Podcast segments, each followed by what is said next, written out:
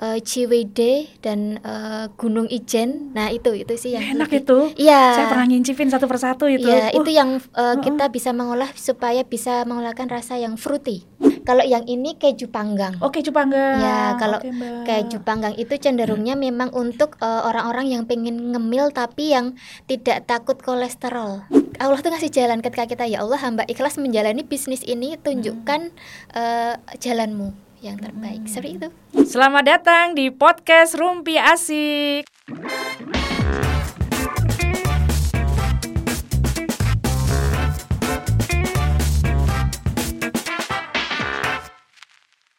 Assalamualaikum warahmatullahi wabarakatuh semuanya Bersama saya Sarina Rulita dan teman saya ini Saya Rifki Rozana. Iya dipanggilnya Kiki dipanggil Uh, Kiki Lebih aja. simpel ya Iya, lebih enak. daripada Mbak Rifki, Mbak Rifki gitu ya Susah kayaknya deh. agak meliuk-liuk gitu ya. Kalau Mbak Kiki, uh enak Ya, banget. nama pasaran. Wah, Nama pasaran tapi kan? ini nama yang kayaknya komersil juga. Oh iya. betul, betul, betul. Dan enak didengar Mbak Iya. gitu kan ya. Ini dari kecil dipanggil Mbak Kiki. Iya, dari kecil. Oh gitu ya. Memang orang tua juga manggilnya sudah Mbak Kiki gitu Iya, ya. Oh, oh, iya. kan namanya Rifki. Rifki. Iya. Ini Mbak Rifki ini adalah coba dijelaskan Mbak. Oke. Kegiatannya satu persatu. Iya. Yang saya tahu nih UMKM gitu Ya, ya. oke. Oke, eh, sebelumnya perkenalkan nama saya Rifki Rozana. Saya biasa dipanggil Kiki. Eh, saya kebetulan di Mas Wira Masyarakat Wira Usaha Bantul itu sebagai sekretaris. Iya. Oke. Nah, eh, untuk saya itu eh, saya sebagai produsen eh, kopi asli, kemudian keripik ikan dan keju panggang. Oh gitu. Iya. Ini uh, kopi asli maksudnya dari bijinya? Kita proses dari mentah sampai Hmm, mateng. Luar Iya. biasa. Itu kopi mana Mbak kalau boleh tahu? Oke, kalau dari yang ini kopi robusta ini Mm-mm. eh, kita dari Temanggung. Hmm. Tetapi kalau untuk yang arabica kita mengolah dari berbagai daerah yang menurut kami rasanya itu banyak disukai kal- semua kalangan. Baik eh, Gayo, Mm-mm. kemudian Toraja, Hmm. Mandailing, eh, Ciwidey dan eh, Gunung Ijen. Nah, itu itu sih yang Enak lebih- itu. Iya. Saya pernah ngincipin satu persatu itu. Iya, Uh, itu yang eh, kita bisa mengolah supaya bisa mengolahkan rasa yang fruity. Oh. Iya, ada rasa-rasa buahnya gitu. buahnya. Itu tidak ada campuran buah tapi memang asli dari kopinya. Oh, kopi mana itu Mbak? Kalau yang gayo yang itu apa yang buah tadi? yang Yang ada frutinya? Oke, kalau yang gayo itu dia mengeluarkan rasa apel-apelnya.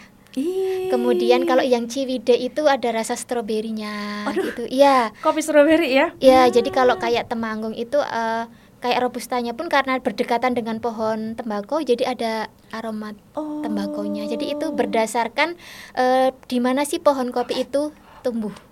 Oh, Iya. deket pohon apa? Ya, seperti itu. Itu pengaruh. Ngaruh sekali. ya? Iya.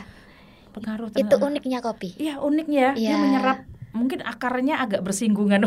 Betul. Dan kami tuh eh, kenapa pohon sih? kopi dan pohon Heeh, apel bersinggungan jadi betul. agak ada aroma dan Iya, ini. itu ini ya aromanya maksudnya kentara maksudnya pas kita seduh Pas di aroma mm-mm, itu kerasa. oh, terasa ini Iya, strawberry ini baunya iya. ada Nangka ada.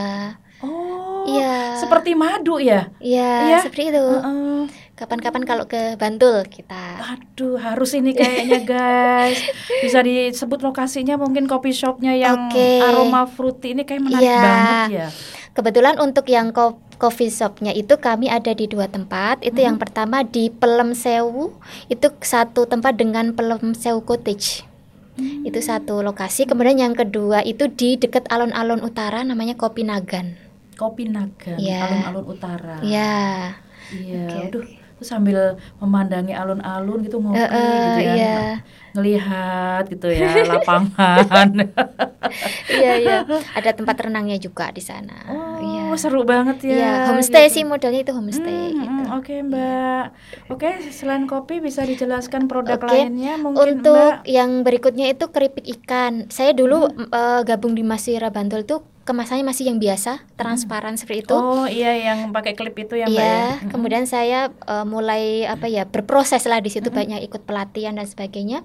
Alhamdulillah eh, sampai di titik di kemasan full print seperti ini dan Hmm, alhamdulillah sudah kita sudah ada reseller di Sydney, Australia itu. Allah ya. Nggih, alhamdulillah di sana ternyata pasarnya bagus.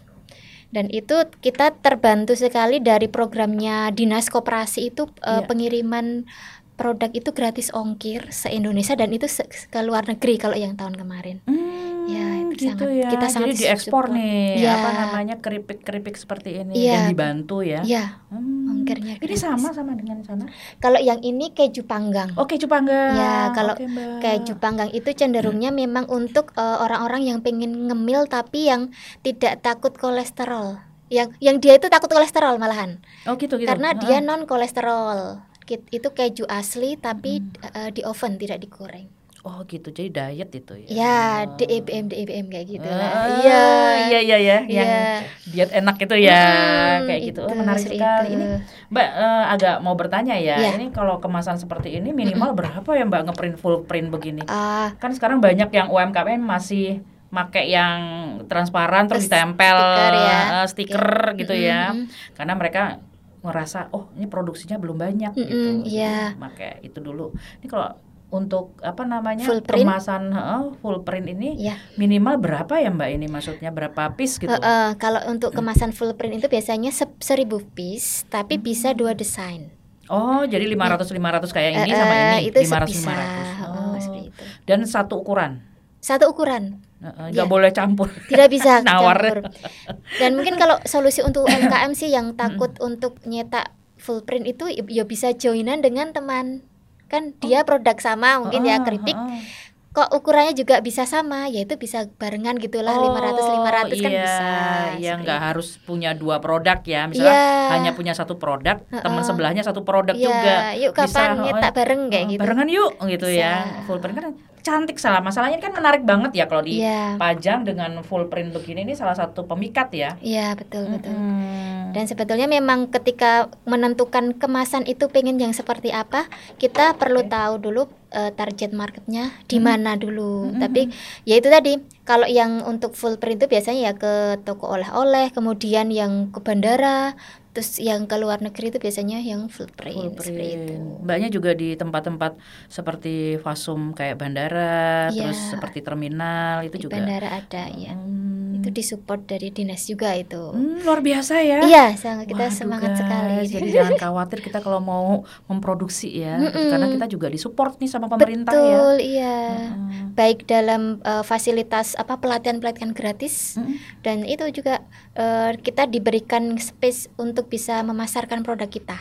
Hmm, Seperti itu. Gitu diajarin juga ya. Mbak, Iya, ya. Jadi betul.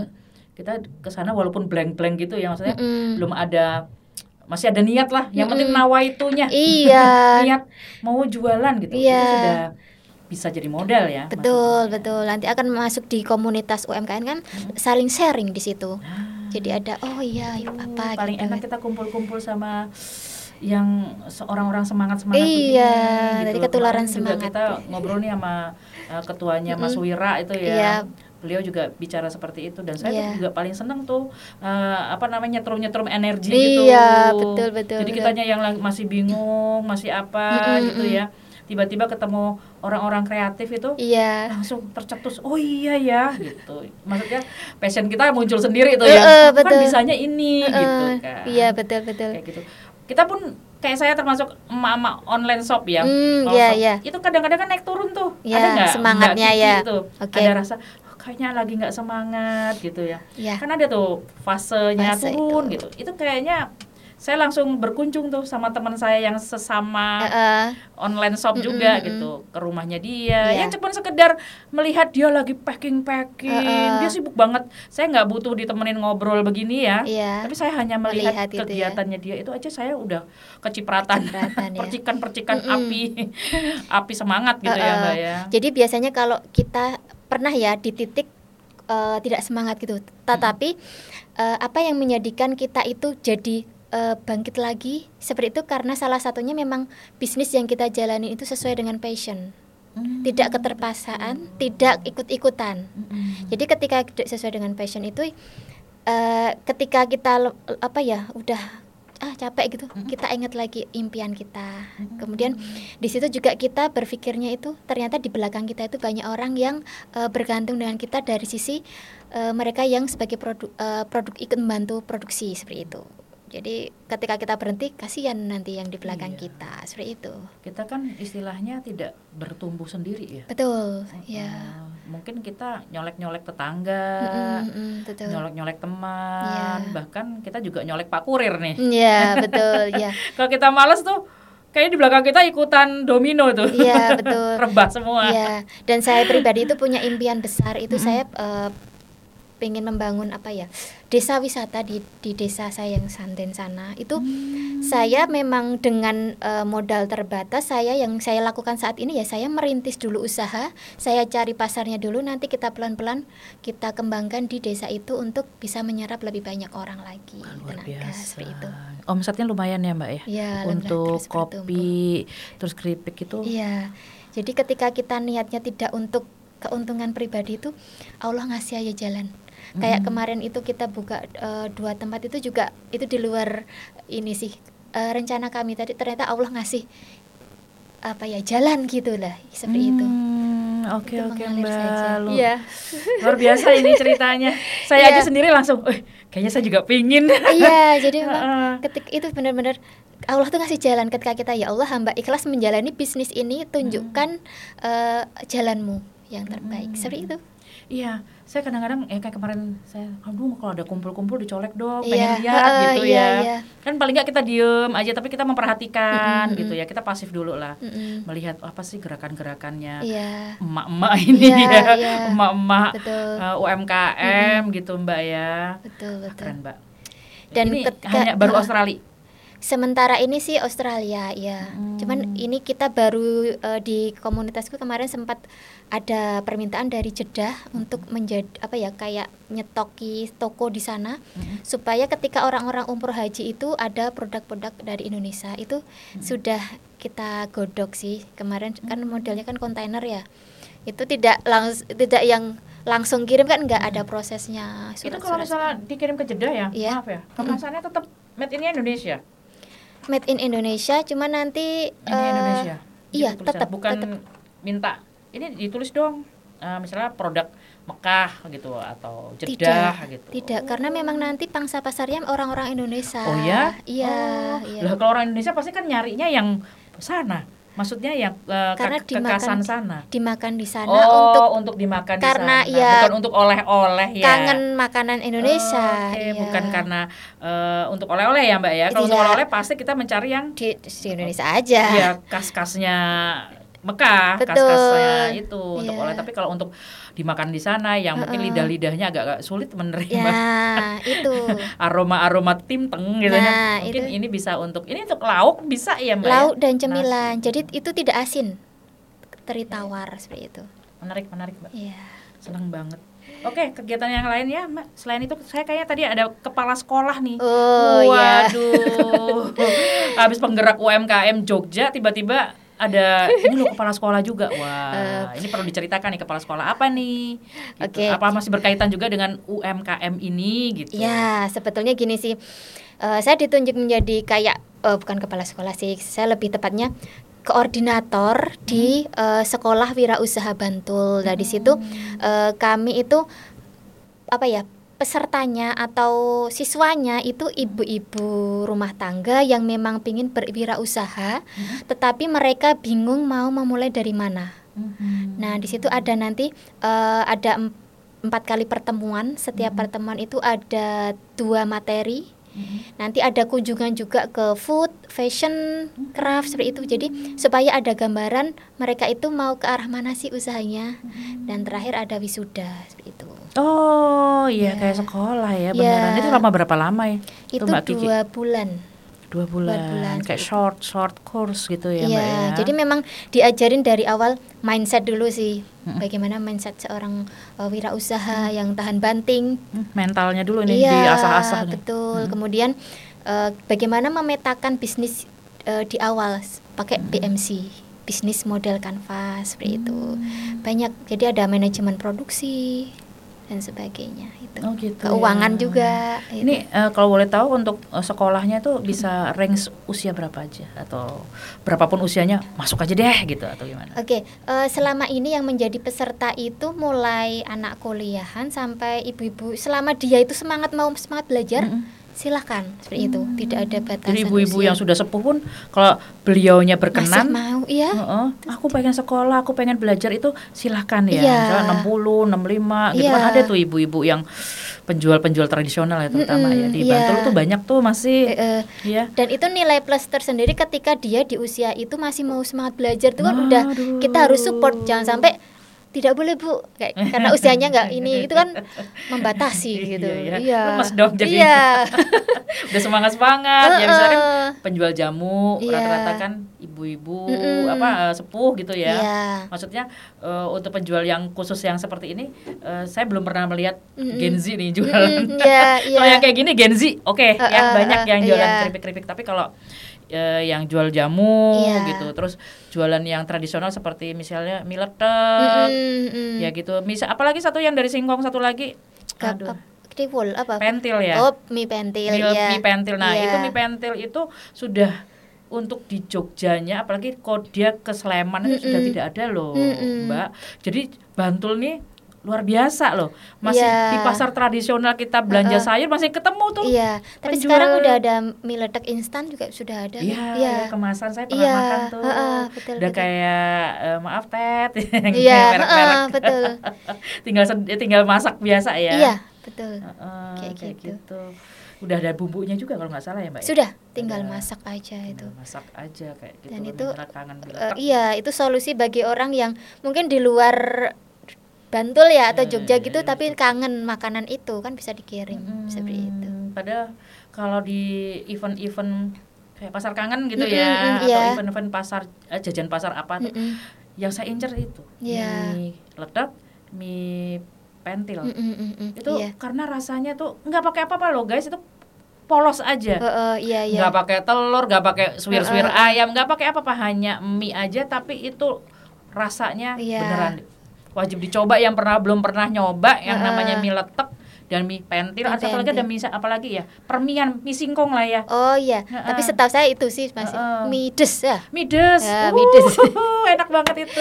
Iya. Agak beda-beda tipis lah. Mm, mm, mm, Ah, Itu tuh bener-bener yang diincer saya sama anak saya nih dan Mm-mm. teman-teman anak saya yang Gen Z ini Mm, kalau mm, mm. di pasar kangen Iya, yang dicari. yang dicari itu Oh, pasti. iya. itu tapi dan itu penuh tuh Heeh, biasanya iya. ya Ah, luar biasa Nek, saya dulu tuh gini sih mem- membuka usaha itu memang berdasarkan eh, ada satu permasalahan kemudian kita menjadi solusi dari permasalahan itu. Termasuk eh, kayak kopi ini dulu awalnya tuh eh, suami punya asam lambung akut. Sampai gek gitu. Ternyata eh, dengan minum kopi arabica tanpa gula setelah makan diminum tiga kali sehari itu bisa untuk terapi asam lambung dan s- alhamdulillah sekarang jarang kambuh. bermanfaat Iya. nih bahwa ini ada obatnya Iya. jadi yang GERD asam lambung jangan khawatir untuk minum kopi Iya. Kan takut tuh Seringkali Kalau- seperti itu kita. Enggak, saya kayak saya Mm-mm. juga termasuk yang Mm-mm. punya GERD Hmm. jadi kalau diajak anak-anak ini gitu. atau tim gitu Iya. ya ayo ini meeting di coffee shop gitu Heeh, ya heeh. saya tuh pasti udah bingung yang nyari air putih anget dulu Ah. terus ada yang base nya bukan kopi nggak Iya, pasti tanya heeh, gitu heeh. Udah takut duluan Heeh, gitu ya. jadi base nya tuh kalau nggak susu teh udah Mm-mm. itu aja nggak pernah kopi Iya. karena takutnya ada yang naik Iya betul betul. mencekik loh kalau naik Mm-mm, itu kalau. GERD itu Iya dan itu memang kita per, selama ini berusaha untuk mengedukasi masyarakat. oh sebentar saya lihat Iya, ya oke. boleh ya Boleh. diangkat sedikit biar Iya. yang nonton juga tuh Heeh. Jadi ketika oh udah ki- mereknya kita tanya pada orang Mm-mm. "Eh, kenapa kok takut minum kopi? Yo Hmm. karena ta- eh, punya asam lambung lah. Yang Hmm. diminum apa? Ternyata kan ekstra kopi, bukan kopi asli. Nah itu yang perlu kita edukasi. jadi kalau kopi asli justru bisa mem- menyembuhkan, menerapi. justru bukan meningkatkan asam lambung ya Tidak. kalau misalnya kopinya tuh dari biji gitu ya diolah Heeh, sendiri dari tidak. biji asli gitu Heeh. bahan bakunya itu tapi kalau kopi yang dicampur-campur ini yang Mm-mm. mungkin yang bisa Iya. memicu. Jadi Mm. intinya tanpa gula. tanpa gula Iya, karena sebenarnya nggak gula apalagi itu nggak pakai sih- creamer ya nggak lah Iya, ya kalau bisa tanpa creamer. jadi kopi pahit iya, kopi Oh, pahit. Dari biji gitu ya Iya. ini Mbak Kiki sendiri yang mensangrai Iya. menumbuk Suami saya t- tidak modalnya tidak tumbuk. Jadi sangrainya sudah pakai mesin. Mm-mm. Kemudian eh, gilingnya itu sudah dengan grinder. Oh, dengan Iya, grinder. iya. Tingkat kehalusannya juga sesuai Lebih dengan halus ses- uh, kebutuhan apa, kan kadang-kadang kan konsumen minta yang kayak kopi-kopi tubruk tuh yang Ya. agak-agak kasar-kasar dikit gitu biar kerasa gitu kan ada Betul. tuh ya permintaan seperti Ada itu ya seperti itu. itu juga Mm-mm. uh, sesuai dengan permintaan konsumen juga ya, Ya. Mbak Kiki ya Termasuk ketika kita eh, di new place kedai atau kafe itu setiap kafe itu punya ciri khas juga. Dia eh, misal house blend, house blend itu campuran kopi robusta dan arabica. Itu ada yang minta 50 50, 70, 30 persentasenya itu loh. Itu beda-beda. dan itu unik wanginya ya Iya, aromanya ya. iya betul seperti itu. Iya, saya sih bukan penggemar kopi tapi saya seneng bebauan kopi Hmm, ya ya Uh, ya. saya ya. seneng banget itu Mm, mm, mm. apa pun yang kopi yang habis seduh pakai air panas itu kan luar biasa ya baunya Iya, Aduh, saya seneng aromanya. banget itu wangi-wangi gimana dan itu punya ciri khas sendiri-sendiri ya mbak ya Iya, jadi eh, proses sangrai itu kan eh, yang menyebabkan kayak orang misal saya masak nasi goreng, Hmm. bumbunya sama, tapi ketika cara masaknya berbeda, orangnya berbeda kan bisa jadi rasanya juga beda. Hmm. Karena memang kuncinya itu di proses roasting kalau di bahasa kami roasting. tuh kuncinya Iya, Iya benar ya nasi Iya. goreng saya jadi teringat nasi goreng ini untuk intermezzo bahwa nasi Heeh. goreng jadul ya Heeh. yang dibuat ibu-ibu kita pembamba kita Iya, lah mbak-mbak heeh, kita heeh. era-era lah 70 80 itu enak banget ya Ada. padahal cuma diulek-ulek ulek-ulek gitu. Mbak. brambang bawang cabe udah itu doang Iya. kan ulek-ulek ulek-ulek jadi kalau dimasak juga tidak dengan kecap nah, putih-putih iya betul betul. Itu. dan itu enak Aja banget ya rasanya. khasnya gitu ya. Nggak pakai telur juga enak. Nah, ya termasuk salah satu eh, ketika kita pingin terjun di wirausaha, Mm-mm, ketika kita punya produk itu kalau bisa punya ciri khas rasa yang membedakan dengan produk lain. Misal sesama eh, keripik pisang, itu apa sih yang menjadi khas dari eh, produksi saya seperti itu. Jadi perlu ada alasan kenapa saya harus membeli produk Anda seperti itu. oh iya, Iya. ngangenin gitu ya Nah, ngangenin ya. alasannya seperti adalah ih ini unik lah ya daripada yang lain dan sekali makan kita ngangenin Iya. gitu pengen lagi pengen lagi Betul, jadi diingat itu. juga ya kalau ke Bantul ini nih yang dituju gitu Iya, jadi pengalaman itu ketika ada teman disuguh kopi di rumah temannya. Mm-mm. Belum tahu dia dibuatin kopi apa, dia langsung nebak itu kopinya Andong ya. Eh, Jadi sudah tahu ciri khas. ciri khas rasa. Iya benar benar benar. Iya, seperti Iya itu. saya sering begitu juga. Mm-mm. Ini kopi eh, menyatakan merek ya, maksudnya eh. merek-merek yang lokal ya, Betul, bukan betul. yang yang di udah dipasarkan secara nasional tuh Nasional, bukan. Ada iya. yang ciri khas di Jawa Barat ini, di Nah, Bali ini, iya, gitu-gitu ya. Ini kopi ini ya nyebut Mm-mm, gitu. mm, seperti itu. Itu yang penggemar kopi ngerti banget itu. Iya, Heeh. seperti itu. Lidahnya nggak bisa dibohongi gitu. Toraja juga punya tuh. Iya, Toraja Ya. ada. Nah, ini kopinya Toraja. kopi Toraja nih gitu. Hmm. Rasa gitu. Kalau saya sih seneng bau karena seneng baunya dan Iya. bukan penggemar kopi. Jadi Mm-mm. eh, penikmat aja gitu. Heeh. Oh, ini enak tapi nggak ngerti ciri Eh, eh, khasnya. Iya, betul betul. Iya, iya sih. Iya, oke ini sekarang setelah ke kepala sekolah katanya ada produksi juga selain makanan dan minuman nih, Iya. Mbak. Kan ini tadi kita ngomongin tentang Mm-mm. makanan ya, apa Iya. namanya? keripik ikan, Iya, gitu. terus keju panggang. keripik keju panggang, Iya. terus ini kita ngomongin juga perkopian tadi ya, Iya. menarik banget. Iya. Ada kopi shopnya juga, Mbak. Ada. Oh, di tadi ya, Iya, di eh, tempat di Pelem Pelem Sewu. sewu dan nagan seperti itu. Di Pelem Sewu tuh bo- Eh, boleh eh. mampir, guys. Iya. Dan sekarang kita kayaknya ada produk yang bukan makanan dan bukan Iya, minuman juga nih. iya. Waduh, si Mbak ini semua produk. Oke, sedikit cerita ya.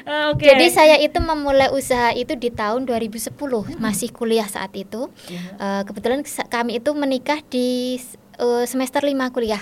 Oh, karena waktu- pernikahan dini. Iya, karena Ah. kami ber- berprinsip untuk ya sudah menikah saja supaya tidak menghindari hal-hal yang tidak diinginkan seperti itu. Nah, itu kami akhirnya membuka usaha pertama kali itu karena suami asli Pekalongan. Oh. Akhirnya tercetuslah konveksi. Oke. Nah, seperti itu. Kami- Iya mendukung banget ya. Betul. Heeh. Eh, pertama kali orderan itu kami dapat dari teman sekelas waktu itu. Itu eh, mulai eh, berjalan, kemudian kita mulai ikut basar-basar, pameran, seperti itu dan eh, waktu itu kami sempat eh, kayak model nyetoki toko-toko seperti itu. Tetapi ketika kita mengevaluasi lagi ternyata te- modalnya double-double itu ya kalau kita nyetoki karena modalnya konsinyasi. Konsinyasi Seperti itu. baru dibayar setelah ada yang laku. laku. Itu pun kalau mereka lancar bayarnya. Nah, seperti itu kita Baik, mengevaluasi. Akhirnya kita ah, saat ini fokus di penanganan seragam sekolah saja. Karena kenapa? Karena kalau seragam sekolah itu ketika eh, masuk orderan eh, saat ini, insya Allah tahun berikutnya masuk terus ya, Oh, iya. rutin seperti itu Betul, dan betul, karena nggak ber- berganti ya Mbak ya Betul, batiknya sekolahan betul. ini ya. Nah, kemudian untuk dari sisi model pun kan kalau seragam kan ya seperti itu tidak yang mengikuti zaman ya. Iya, kemeja lah itu Iya, ya. kalau fashion kan kalau yang saat ini model ya harus mengikuti zaman, tapi kalau Betul. seragam sekolah tidak seperti itu dan Hmm. itu yang memang usaha dari pertama seperti itu sampai sekarang alhamdulillah. Kita fokus ke nangani seragam, eh, cetak batik, Logo, instansi, Betul ya kalau benar-benar ini. itu. Luar Iya. biasa nih pemikirannya bahwa kalau misalnya memang nyantol satu sekolahan aja Iya. itu akan dipakai selama kurun waktu yang panjang. Iya, betul. Iya Mbak ya, karena itu. ba- batik sekolah itu ciri khas Mbak. Iya, betul. Iya kan? Betul, Iya kan betul. misalnya eh, oh batik ini nih SD Mana gitu kan ada mana, nama instansi. SD Muhammadiyah atau kayak begitu. seperti itu. Mbak tadi kita ngebahas tentang batik sekolahan ya. Itu Iya. kira-kira batik sekolahannya itu eh, di Jogja apa di luar Jogja nih? Oke. Heeh. Jadi kalau em, saya pribadi itu kan merasa saya bukan orang yang pertama terjun di konveksi ya seragam gitu. Jadi saya memposisikan diri eh, pasar Jogja itu sudah terlalu banyak pemainnya. Akhirnya saya lebih banyak untuk eh, pemasaran ke luar Jogja. Oh, kota Iya. mana tuh? Yang sekitar Jogjanya apa agak mencelat ke mana gitu? Oh, jauh-jauh malah Sulawesi, agak lompat gitu. Sulawesi, Sumatera, Kalimantan. Oh, luar gitu. biasa. Walaupun Jogja tetap ada. Ada, Iya. tapi lebih banyak di luar Jogja, di luar Iya. pulau malah kalau yang luar ini ya. pulau, iya, luar biasa. Iya. Oke guys, kita udah ngobrol-ngobrol ya Iya. tentang UMKM, makanan, minuman dan tadi Fashion. juga fashion. Iya. Dan ini khususnya batik sekolahan Iya. gitu ya. Nah, itu mungkin kalau teman-teman yang mau mendirikan sekolahan, ini ada beberapa teman saya tuh Uh-uh, lagi mau uh-uh. ah, sekolahan apa nih gitu ya, Iya, mau buat iya, sekolahan gitu. uh-uh. Boleh loh mau seragam batiknya. Tapi tidak hanya batik loh, Oh, gitu. polos, kotak, olahraga. Ah, Iya. tuh lengkap tuh bisa Lengkap. olahraga juga tuh. Mm-mm, iya. Jadi yang mau mendirikan sekolahan, mau buat sekolahan nih ada beberapa teman saya kemarin juga sudah mulai pondasi-pondasi Iya, sekolahan di uh, uh, uh. Jogja. Boleh nih Bisa colek. Mbak Kiki gitu. Kalau bingung nanti bisa eh, komen di FB-nya Rumpi Asik Iya. atau IG Rumpi Asik, Iya. TikTok Rumpi Asik ataupun di eh, YouTube Rumpi Asik. Nanti kita sampaikan ke Mbak Kiki ya Iya, betul. masalah itu. Mbak Kiki ini ada nih orderan Iya, gitu. Ada yang siap, nanya-nanya siap, siap. gitu kan. Nanti akan kita eh, hubungkan. Siap, kita akan siap. share nomornya Mbak Kiki gitu Iya, ya. terima kasih. Oke, terima kasih Mbak Kiki Iya, sama-sama, sudah hadir Ibu. ngobrol-ngobrol tentang UMKM-nya. Iya, sama-sama. Semoga sukses selalu ya Mbak ya. Amin, terima kasih banyak. Ya. Oke guys, eh, untuk Eh, selalu untuk untuk meng, apa namanya mengedukasi apa pun hal bisa kita obrolin di Rumpi Asik. Mm -hmm. Jadi tetap ya untuk uh, subscribe, share, like dan komen di Rumpi Asik. Sampai ketemu lagi. Tetap di Rumpi Asik. Feeling fresh with Rumpi Asik. Yeay.